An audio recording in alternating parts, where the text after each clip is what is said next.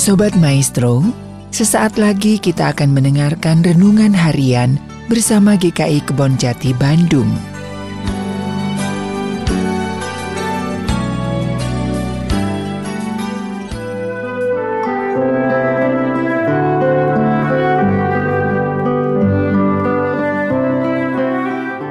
Salam sejahtera saudara-saudara. Kembali lagi bersama saya Alfian Dito Yulian Diki Di dalam renungan harian pada hari ini Yang diambil dari Markus 13 ayat 9 sampai 23 Dengan tema Mengikut Yesus sama dengan sengsara.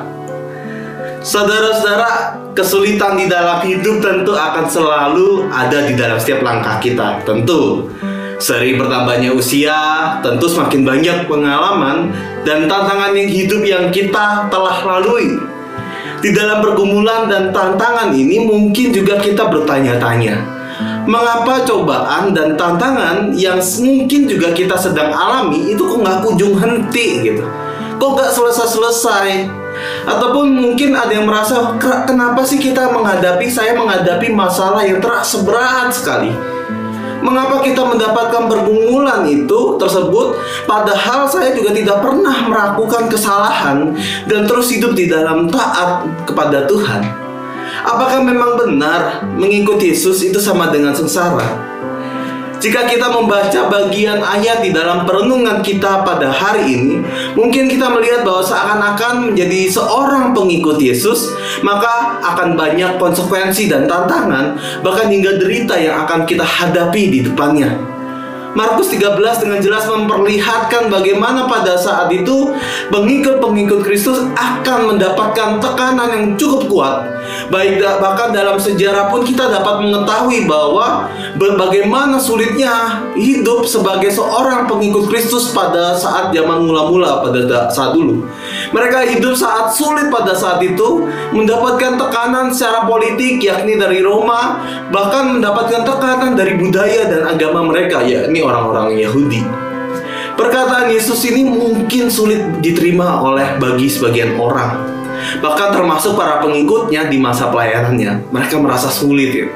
Ayat ini secara terang-terangan sekaligus tegas menekankan bahwa menjadi pengikut Kristus pada saat itu akan menghadapi konsekuensi yang sangat berat, akan menghadapi tantangan yang luar biasa.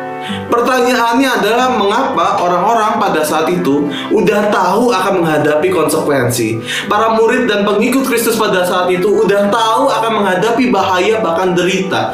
Tetapi tetap setia mengikuti Yesus dan menyebarkan berita sukacita meskipun mereka juga akan menghadapi tantangan yang disebutkan oleh Yesus itu sendiri.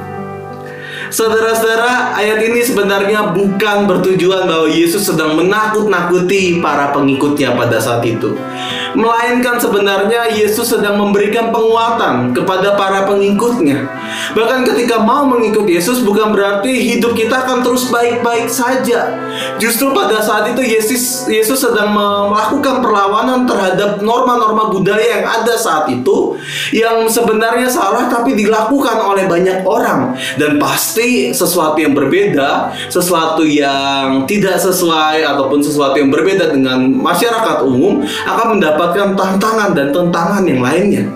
Bukan berarti juga ketika kita mengikut Kristus bukan berarti kita tidak akan ada masalah di dalam hidup kita juga. Justru menekankan bahwa masalah itu pasti ada, baik kita mengikut Kristus ataupun tidak. Tetapi apa yang harus kita lakukan setelahnya? Ketika kita mau menjadi pengikut Kristus ya sebenarnya kita juga diajak untuk memiliki ketangguhan dan kesadaran bahwa saya tidak sendiri. Saya tidak sendiri menghadapi kesulitan dan pergumulan saya. Saya tidak sendiri di dalam hidup saya, dan justru sebaliknya, kita diingatkan bahwa kita memiliki sebuah komunitas yang saling menguatkan untuk saling menolong satu sama lain, meneguhkan, bahkan bahu-membahu.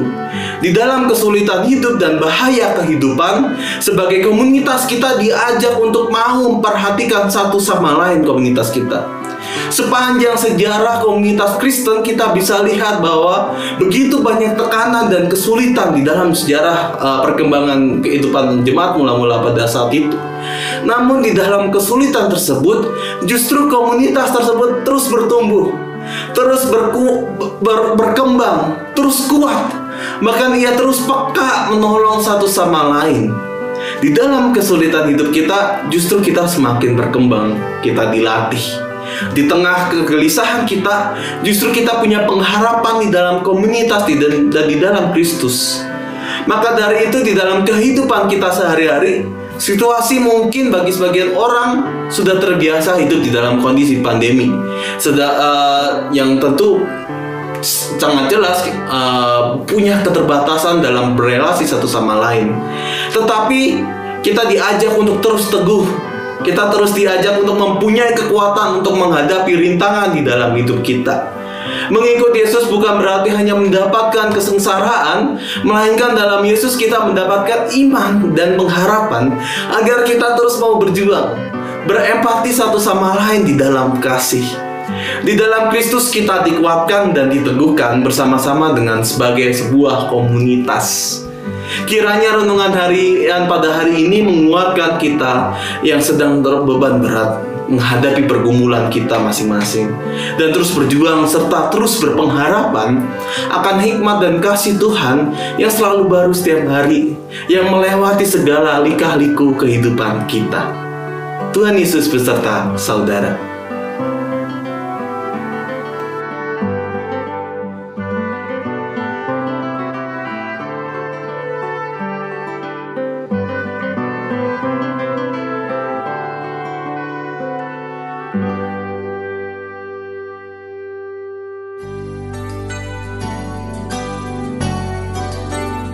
Sobat Maestro, baru saja Anda mendengarkan renungan harian bersama GKI Kebon Jati Bandung.